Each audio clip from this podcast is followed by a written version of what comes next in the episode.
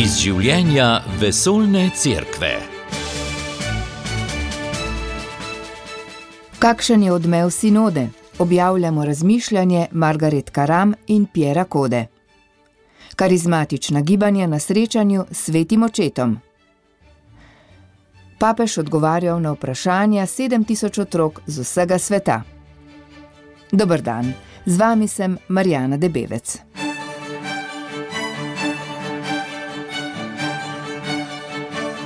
Papež Frančišek je v ponedeljek popovdne v dvorani Pavla VI. skoraj eno uro preživel s 7000 otroki, ki so prišli z vsega sveta. Več o tem Marta Jerebič. Dogodek pod naslovom Učimo se od otrok se je s pričevanji glasbo in plesom začel okoli 14. ure, sveti oče pa se je otrokom pridružil dobro uro pozneje. Ob prihodu ga je v imenu vseh prisotnih pozdravilo pet otrok z različnih celin, na to je besedo prevzel papež in odgovarjal na njihova vprašanja. Ma tu cosa sogni la notte? O čem sanjaš po noči? Ma io non so cosa sogno perché dormo. Ne vem, o čem sanjam, ker spim. Ma tu, quando ti arrabbi, come fai a calmarti? Kako se pomiriš, ko se razjeziš? Eh, qualche volta mi arrabbio, eh. Ma non mordo, eh. Non mordo. Včasih se razjezim, vendar ne grizem. Oseba, ki mi je v življenju veliko pomagala, ko sem bil otrok, mi je enkrat rekla: Ko si jezen, preden odgovoriš, popij kozarec vode. To je dober nasvet. È bello consiglio. Sirska deklica je papežu postavila vprašanje, zakaj v vojni ubijajo otroke. To kaže na krutost vojne, je dejal papež. Zlobni ljudje ustvarjajo vojno, mi delamo za mir, je dodal in tako kot v tem primeru večkrat med srečanjem spodbudil otroke, da ponavljajo za njim. Lo diciamo insieme, lavoriamo per la pace, tutti. Papež je otroke povabil tudi k skrbi za planet. Če bomo uničili Zemljo, je dejal, bomo uničili sami sebe.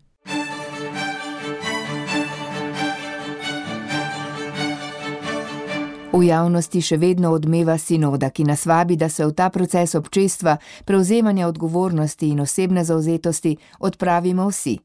Na sinodi so tokrat prvič imeli volilno pravico tudi laiki, med njimi kar 54 žensk. Med posebnimi povabljenimi je bila predsednica gibanja Fokolaro Margaret Karam. Vabim vas, da prisluhnete njenemu vtisu in razmišljanju. Nel documento di sintesi uno dei punti centrali riguarda proprio il profilo missionario della Chiesa. Ena od osrednjih točk tega poročila se nanaša na misijonski profil cerkve. Pravi takole: Cerkev je poslanstvo. Verniki laiki pomembno prispevajo k njegovemu uresničevanju v vseh okoljih in v najbolj običajnih situacijah vsakdana. So predvsem tisti, ki cerkev prinesejo v vsa okolja in oznanjajo evangelij v različnih kulturnih in družbenih okoljih. Rekla bi, da so štiri besede, ki po mojem mnenju najbolje opisujejo globoko izkušnjo, ki sem jo doživela, in sicer tišina, poslušanje, podelitev in spreobrnjenje. To so besede, ki izražajo etape poti, ki smo jo prehodili in ki se je začela že v treh dneh duhovnih vaj pred začetkom tega dela sinode. Che ha preceduto l'inizio dei lavori di questa sezione del Sinodo. Siamo stati aiutati da un metodo, quello della conversazione nello spirito, fondato non solo su un ascolto profondo, Pomagala nam je metoda pogovora v duhu, ki ne temelji le na globokem poslušanju, ki nas je pripeljalo do tega, da smo vedno bolj vstopali v misli, življenjske izkušnje in kulturo drug drugega, ampak tudi na tišini. To pa je pustilo prostor za delovanje svetega duha. In to je prispevalo k temu, da se je v mojo dušo vcepila nova ljubezen do vseh članov cerkve. Prav cerkev sem ta mesec znova odkrila kot mamo in srce, ki bije za vsakega človeka in za vse človeštvo. e. Come dicevo prima, ho partecipato al Sinodo in qualità di invitata speciale. Kot sem že rekla, sem se sinode udeležila kot posebna gostja. Ko so minevali dnevi, pa sem vedno bolj čutila, da nisem le povabljenka, ampak sem čutila, da je klic od Boga, da sem tam v službi njegove cerkve. Možnost podelitve duhovne izkušnje in služenja vsemu božjemu ljudstvu skupaj s papežem, kardinali, škofi in drugimi laiki mi je kot vernici odprla nova obzorja, kako se lahko v svetu, ki se zdi brezbrižen, brez upanja, da bi prišlo do miru, lahko naučimo poslušati, da dojamemo dar, ki ga vsak človek nosi v sebi. Razlike v kulturi, jeziku in družbenem statusu niso bile ovira, nasprotno, razumela sem, kako zelo nas lahko vse to preobrazi.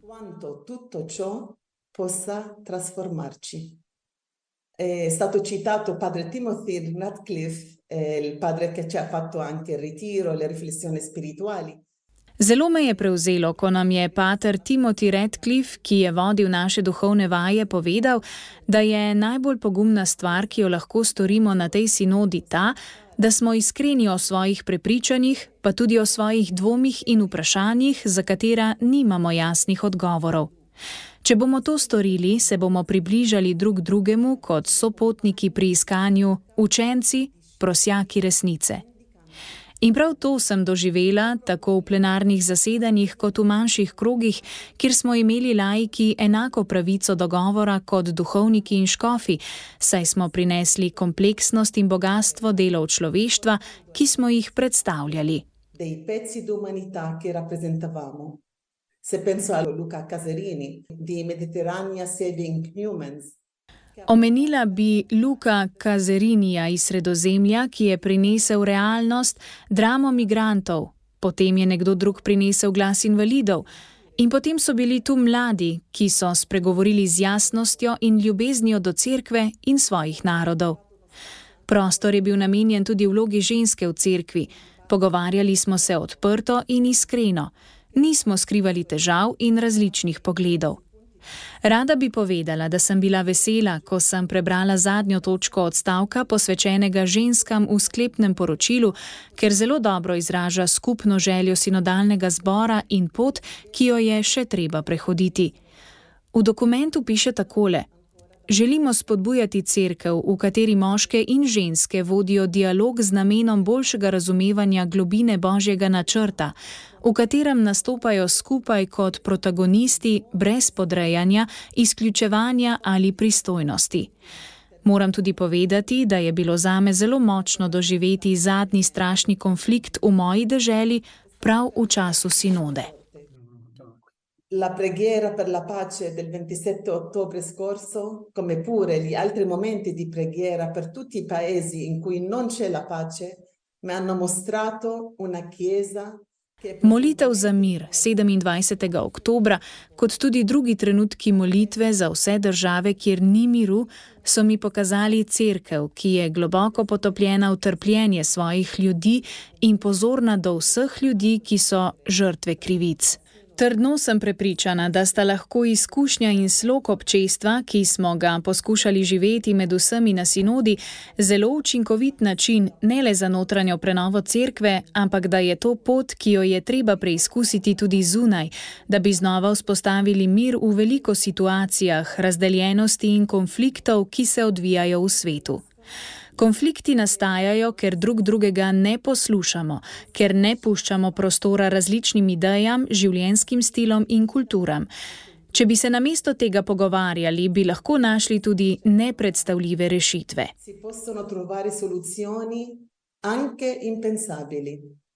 Per questo credo che uno dei contributi più grandi che come laici possiamo portare è la diffusione e l'applicazione dell'ascolto attento.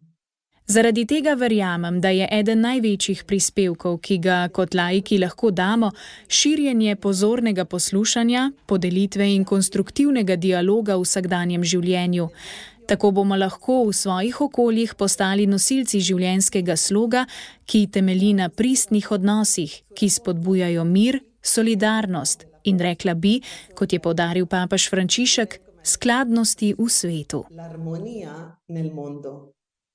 Ed è qui che trovo spazio, che trova spazio la quarta parola che mi ha lasciato questo sinodo. Conversione. In še četrta beseda, ki mi jo je pustila sinoda, je spreobrnjenje. Mislim, da dobro razumete, kaj s tem mislim.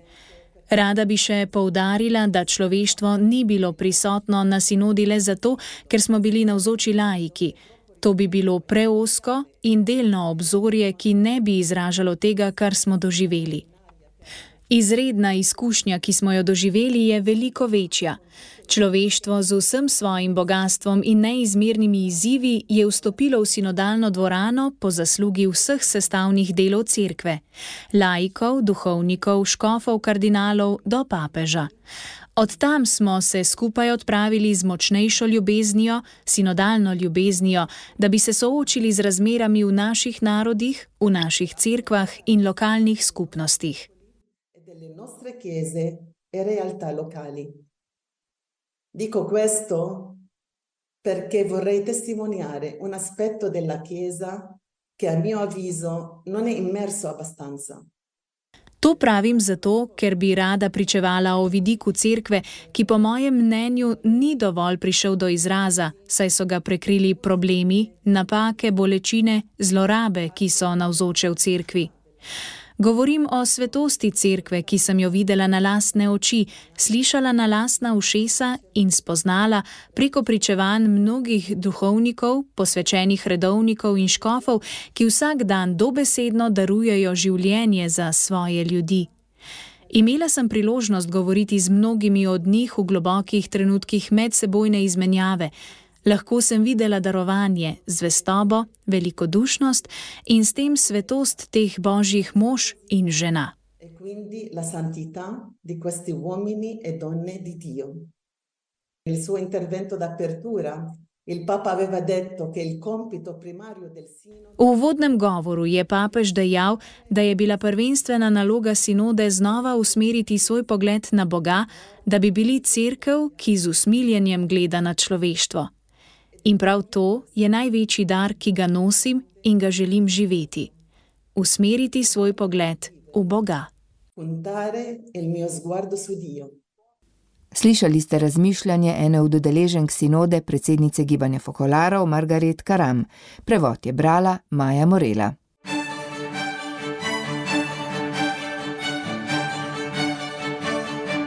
Generalni tajnik Mednarodne teološke komisije, teolog dr. Piero Koda, je povdaril, da je bila zanj izkušnja sinode nekaj, kar še nikoli ni doživel. Močno se je van utisnila podoba ostalega Jezusa, ki kraljuje v dvorani Pavla VI., kjer so se zbirali. Čutil je, da se je v temini časa, v katerem živimo zaradi vojn, nasilja in mnogih drugih stisk, rojevalo seme novega življenja, seme upanja. Vprašal se je, kaj lahko storimo v pričo vseh vojn. Po njegovih besedah moramo živeti novo življenje, ki ga je prinesel Kristus v svetem duhu. Živeti bratstvo pa naj stane, kar hoče. Vse do tega, da smo pripravljeni dati svoje življenje. Povzetek njegovega razmišljanja bo prebral Blaž Lesnik. Piero Koda je prepričan, da je bila tokratna sinoda nekaj velikega, revolucionarnega. V razdeljenem svetu, v katerem se sočloveka demonizira in se sovražnika uniči, smo mi poklicani s pomočjo milosti svetega duha hoditi skupaj, je dejal. Po njegovih besedah ne smemo več podleči vprašanju, ki si ga postavljamo tudi znotraj cerkve in sicer, na kateri strani si. Potrebno se je ustaviti, je dejal Koda.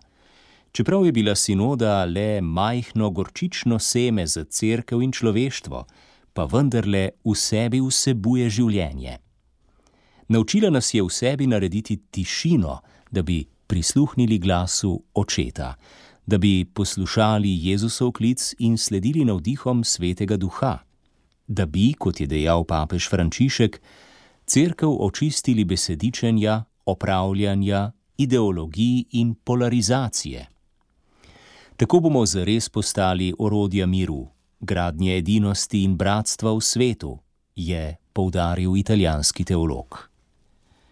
Povedal je, da so se na sinodi sami škofje učili, kako biti v občestvu med seboj in z božjim ljudstvom. Iz enkratnega dogodka je sinoda postala proces, ki vključuje celotno božje ljudstvo v lokalnih cerkvah. Gre za nekaj izjemno velikega, za začetek nove oblike cerkve, je prepričan Piero Koda. Na tej poti cerkev živi tudi ekumenizem z drugimi krščanskimi cerkvami. Vse do tega, da je voditelj Svetovne metodistične zveze na sinodi dejal: Počutil sem se kot izgubljeni sin, ki se vrača domov. Vendar tukaj nisem našel starejših bratov, ki bi me obsojali, ampak brate in sestre, ki so me sprejeli z bratsko ljubeznijo. Sinoda nam po besedah italijanskega teologa približa crkv, v kateri nam dinamika bratstva in poslanstva pomaga, da preidemo od jaz k mi in nas postavi v služenje svetu. Je lahko še kaj več od tega? se je vprašal. To namreč pomeni biti kristjan današnjega časa.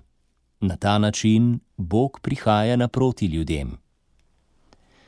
Da bi se to zgodilo, pa si moramo vsi kristijani prizadevati za medsebojnost, za odnos, da bomo svoj lasten poklic, karizmo ali nalogo živeli v vzajemnosti z vsemi ostalimi. Navajeni smo namreč bolj individualne duhovnosti, ki neguje lastno notranjost v molitvi. Na sinodi pa je prišlo do tega, da so to notranjost razširili v dialogu in poslušanju Božje besede. Koda je povedal, da so bili škofje v prvih dneh malo presenečeni, ker tega niso navajeni, potem pa so bili vedno bolj zadovoljni. Mislim, da smo dosegli velik uspeh, rekel bi celo nepričakovan in nepovraten rezultat, če ga bomo uspeli prenesti v različnosti lokalnih cerkva in v cerkev nasploh. Tri stvari pa je po njegovem treba popraviti. Prvič, na sinodi se ne more odpirati nešteto tematik, saj to ni namen tokratnega zasedanja. Osredotočiti se je treba na to, na kakšen način se soočati s temi tematikami. Drugič, bo treba po kodovih besedah izboljšati sam postopek in metodo. Nimamo namreč več monarhične vizije cerkve, ampak kolegijalno, občestveno, sinodalno. To pa zahteva novo formacijo in vajo. In tretjič, se moramo zavedati, da vse to ne vpliva le na duhovno razsežnost našega življenja, ampak tudi na povsem konkretne vidike. Sinoda nas torej spodbuja, da gremo ven, analiziramo situacijo in tudi v najbolj ekstremnih okoliščinah našega sveta omogočimo ljudem, da se srečajo s Kristusom. Omogočiti, da ti kraji postanejo kraji spreobrnjenja najprej za nas. Nimamo več veliko časa, kot je dejal papež Frančišek, tudi zaradi številnih nevarnih situacij in grozeče tretje svetovne vojne.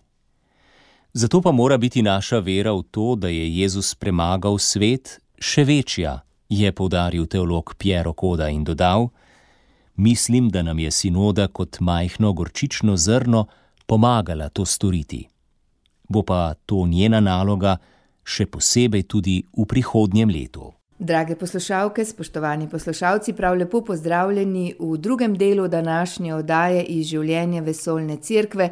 Pred radijskim mikrofonom sta se mi pridružila Darja in Andrej Justinek. Lepo pozdravljena. Pozdravljeni. Pozdravljeni. Vidva sta se prejšnji teden v Rimu udeležila dveh pomembnih dogodkov. Eno je bilo srečanje Karisa, boste več povedala, kaj je to. Vi ste, eh, gospod Darja, predstavnica iz Slovenije v tem Karisu, vi, gospod Andrej, pa ste predstavnik, koordinator slovenske prenove v duhu in ste sodelovali potem tudi, oba dva sta sodelovala potem na mednarodnem kongresu kongresu prenove v duhu, ki je sledil temu zasedanju Karisa, in pa še papež Frančišek vas je potem na koncu sprejel. Torej, res veliko razlogov, da sem vaju povabila pred radijski mikrofon.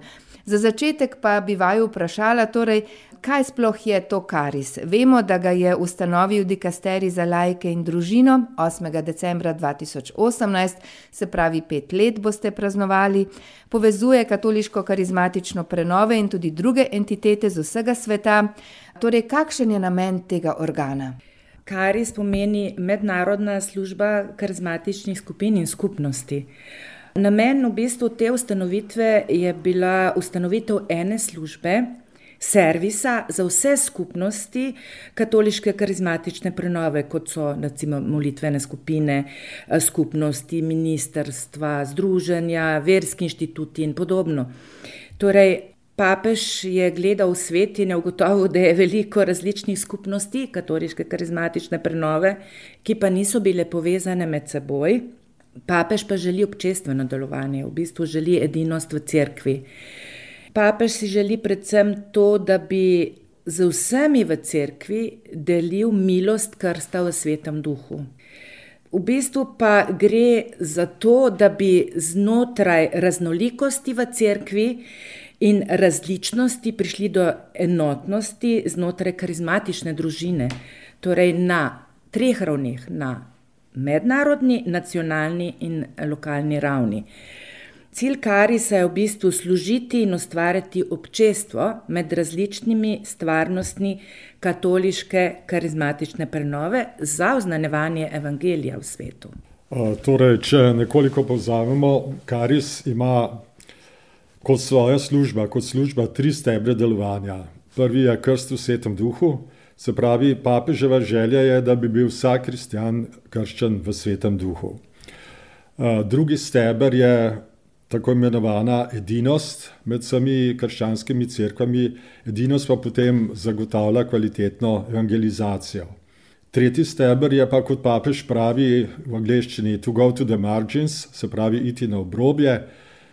Vsebinsko pa to pomeni služenje ubogim, ne samo v materialnem smislu, ampak tudi v duhovnem smislu. Tokrat ste na vašem zasedanju izvolili vodstvo, kdo je bil izvoljen in pa kakšne naloge ste si zadali v prihodnje? Karis kot služba je organizirana na svetovni ravni, se pravi, vsebovanih je pet kontinentov, Afrika, Azija, Amerika, Evropa, Oceanija in potem gre to še na nacionalno, na narodno raven. Se pravi, za vsak kontinent je poseben koordinator, se pravi, Evropa ima evropskega koordinatorja in znotraj tega je potem še posebna koordinacija posebej za zapadno in za vzhodno Evropo. Slovenija sodi v koordinacijo za vzhodno Evropo in ta koordinacija za vzhodno Evropo se enkrat mesečno zbira na posebnih sestankih po Zoomu, molijo skupaj, utrjujejo edinost, se informirajo o medsebojnih dogodkih. In na tem srečanju, na tej koordinaciji sodelujejo nacionalni koordinatorji, se pravi, iz slovenske strani, strani države Slovenija, sodeluje Darja, kot je bilo že rečeno, kot ta, ki to zadevo vodi tam. Moram reči, da, volitve v Rimu so bile zdaj prve volitve, odkar je Karis ustanovljen. Na začetku je pač papež samo določil, kdo naj bi povezoval, Karis, da bi začeli sploh, da bi se začetki sploh lahko začeli. Torej, Karis ima statut in po statutu je potrebno izvoliti moderatorja. Tako da, to je ta oseba, moderator se imenuje oseba, ki je odgovorna na tej svetovni ravni. Izvoljen je bil Pino Scafura, on je iz Argentine. Imeli smo tri kandidate, glede na to, da je Pino bil na začetku, vsega začetka že začel s Karisom, so, smo izvolili za obdobje parih let še, še vedno njega. Torej, poleg teh volitev moderatorja smo imeli tudi volitve za predstavnike, raznih služb. In, tu moram reči, da je bil, izvoljen, za področje mladine, torej mladih izpod petintrideset let, je bil izločen, Hrvat Josip Bilandžija in v bistvu on je edini nekako iz vzhodne Evrope, ki predstavlja na svetovni ravni, Karis. Potem pa bi rekla morda to, ki je zanimivo za, za vse poslušalce pa za vse, da vsak posameznik na kateri katerikoli funkciji je lahko izvoljen največ dvakrat. To je papež še zdaj spremenil. Pač sistem volitev za vse društva, družbe, ne vem, karkoli, kar je pod ne. In, to pa zaradi tega, da ne bi prišlo do koncentracije moči posameznih voditeljev. Prej ste omenili naloge Karisa, v bodoče, kakšne naloge so, zastavljene. Te naloge izhajajo iz teh, treh stebrov Karisa, ki sem jih omenjal, prejle. Se pravi, razširjanje krsta v svetem duhu, se pravi favorizacija tega, razlaga ljudem, kaj to pravzaprav je. Potem trud za večjo edinost med krščanskimi cerkvami, smo rekli, da edinost je drugi steber, zato se moramo truditi.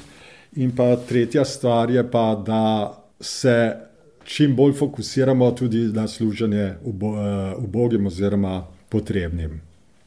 No, temu zasedanju Karisa pa je potem sledilo večdnevno srečanje prenove v duhu. Bi mogoče izpostavila kakšnega od predavanj? Ja, naj najprej povem tole, da naslov srečanja je bil zelo zanimiv. Namreč bil je, naslov je bil takole: Poklicani, preoblikovani, poslani. Bilo je res zelo polno, vsa predavanja so bila zelo kvalitetna. Začeli smo z delavnicami v treh različnih bazilikah. Prvi dan je potekalo v teh treh bazilikah, namreč udeležencev na temi konferenci je bilo več kot dva tisoč petsto iz celega sveta. In potem naslednji dva dni smo se preselili v dvorano papeža Pavla Šestega, ki sprejme vse te ljudi lahko naenkrat, ne. Tako da bili so res različni predavatelji, znani po vsem svetu, ki so pač znani po svojih kvalitetnih predavanjih. dotikali so se različnih tem, od edinosti, nove evangelizacije, o darovih vodenja, o delovanju in odpovedovanju hudobnim duhovom, o služenju in tako naprej. v bistvu so pa posebej obdelali vse tri stebre Karisa. Torej krst v svetem duhu, edinost, evangelizacija, služenje revnim. Tukaj mi je ostalo zelo v spominu to, da iz Severne Koreje prihaja predstavnik, ki služi ubogim, torej organizacija Kotona se imenuje. To, to so ljudje, ki so dobro organizirani in v bistvu oskrbujejo brezdomce. In oni so imeli pripravljeno v bistvu kosilo za rimske brezdomce. In videli smo posnetke, bilo je zelo čudovito, kako so to organizirali, ampak zanimivo je bilo to, da so rimski brezdomci zbrali enainpetdeset evrov za korejske brezdomce. Tako da to mi, to smo pač tudi potem videli na posnetkih. No, še morda eno predavanje, ki mi je posebej, ostalo v spominu, je bil, nagovoril me je Mat Lozano s svojim predavanjem o delovanju hudobnih duhov in odpovedi hudobnim duhovom. Torej poudaril je, da molitev zahvale je najboljša zaščita pred zlom, pa najlažji vstop zla pa je preko neodpuščanja. Tako, to so bile kar močna, močna predavanja. Se opravičujem, ampak vas moram popraviti, prej ste uporabila izraz prenova v duhu. Ta izraz se ne uporablja več niti v slovenskem prostoru, še manj pa v svetovnem prostoru, če tudi leta nazaj se je, reče se karizmatična prenova oziroma ker je, smo katoliška cerkev, katoliška karizmatična prenova v svetem duhu. To je kompleten izraz. Drugače pa kot, povzetek ali pa, tega srečanja, o katerem govorimo, ne, poklicani, preoblikovani in poslani, je ta, da ima Bog pričo v svetu. Svojo pričo neposredno, in to je sveti duh. karizmatična prenova ima kot svojo osnovno karizmo, ima svetega duha.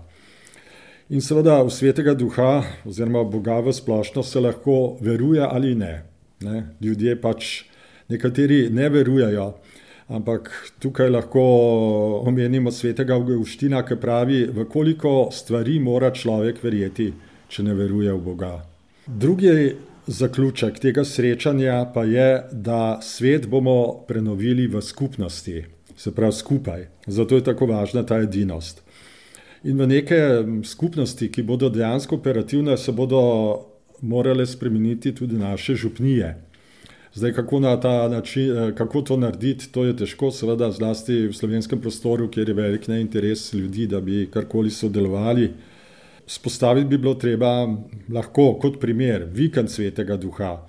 Raznorazne konference svetega duha in seveda na to, na te zadeve bi bilo treba na neki način pripeljati ljudi, ker samo po sebi brez ljudi nima pravega smisla.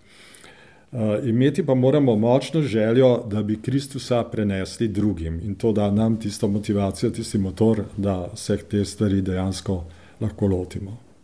Gotovo ste podelili nekaj, ste že omenili tudi izkušnje z vsega sveta, omenili ste ta primer s Filipinov. S kakšnimi izzivi pa se katoliška karizmatična prenova srečuje po drugih državah?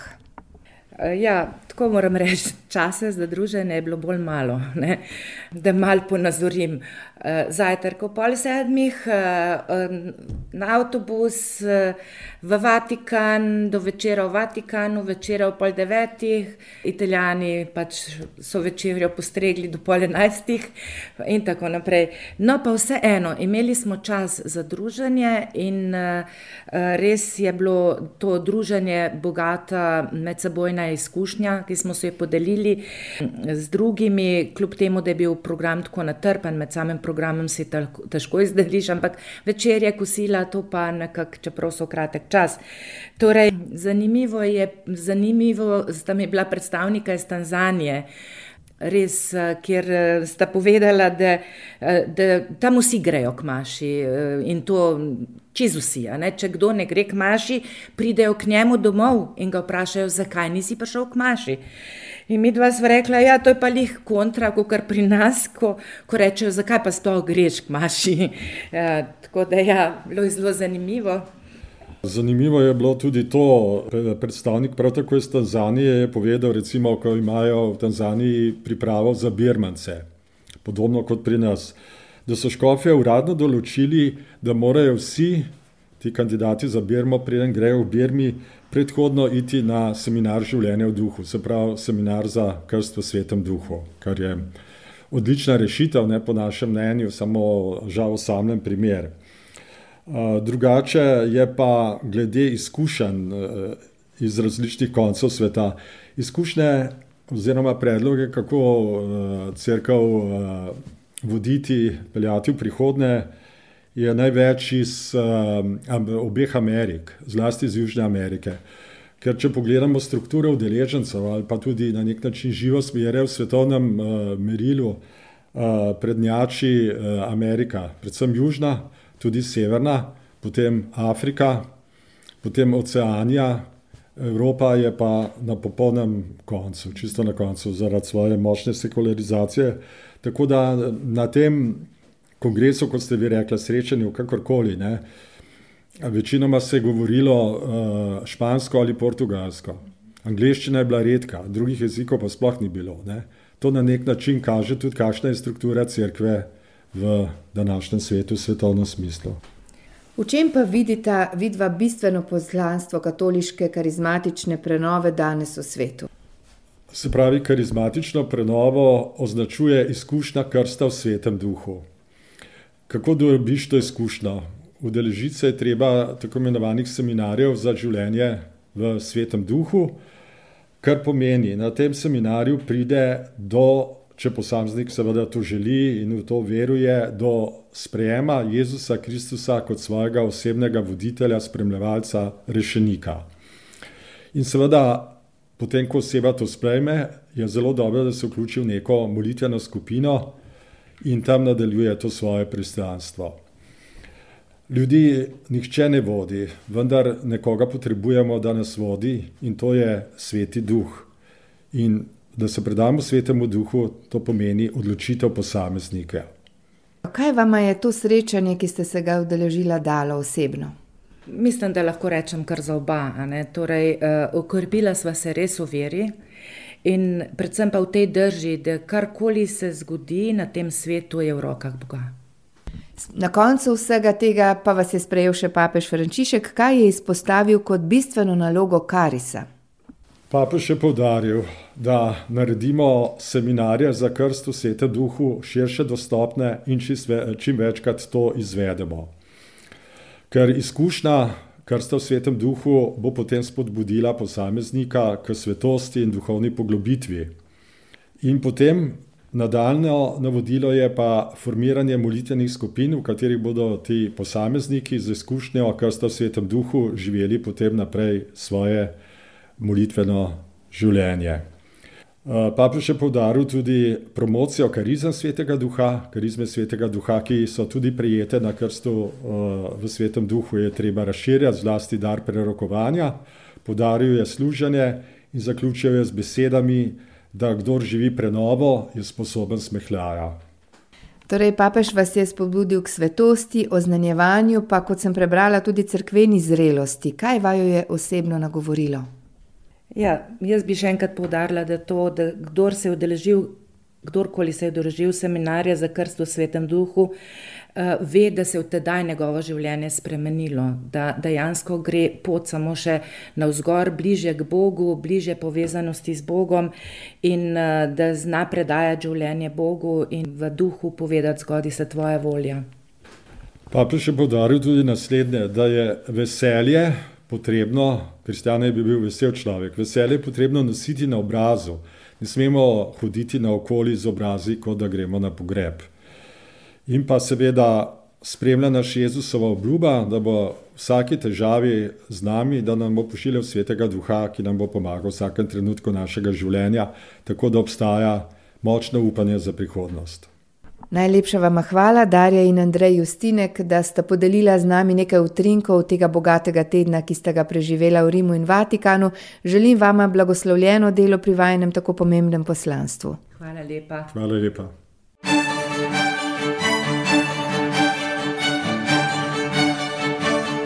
Sklenili smo oddajo, ki sem jo pripravila, Marjana Debevec. Želim vam lepo nedeljo.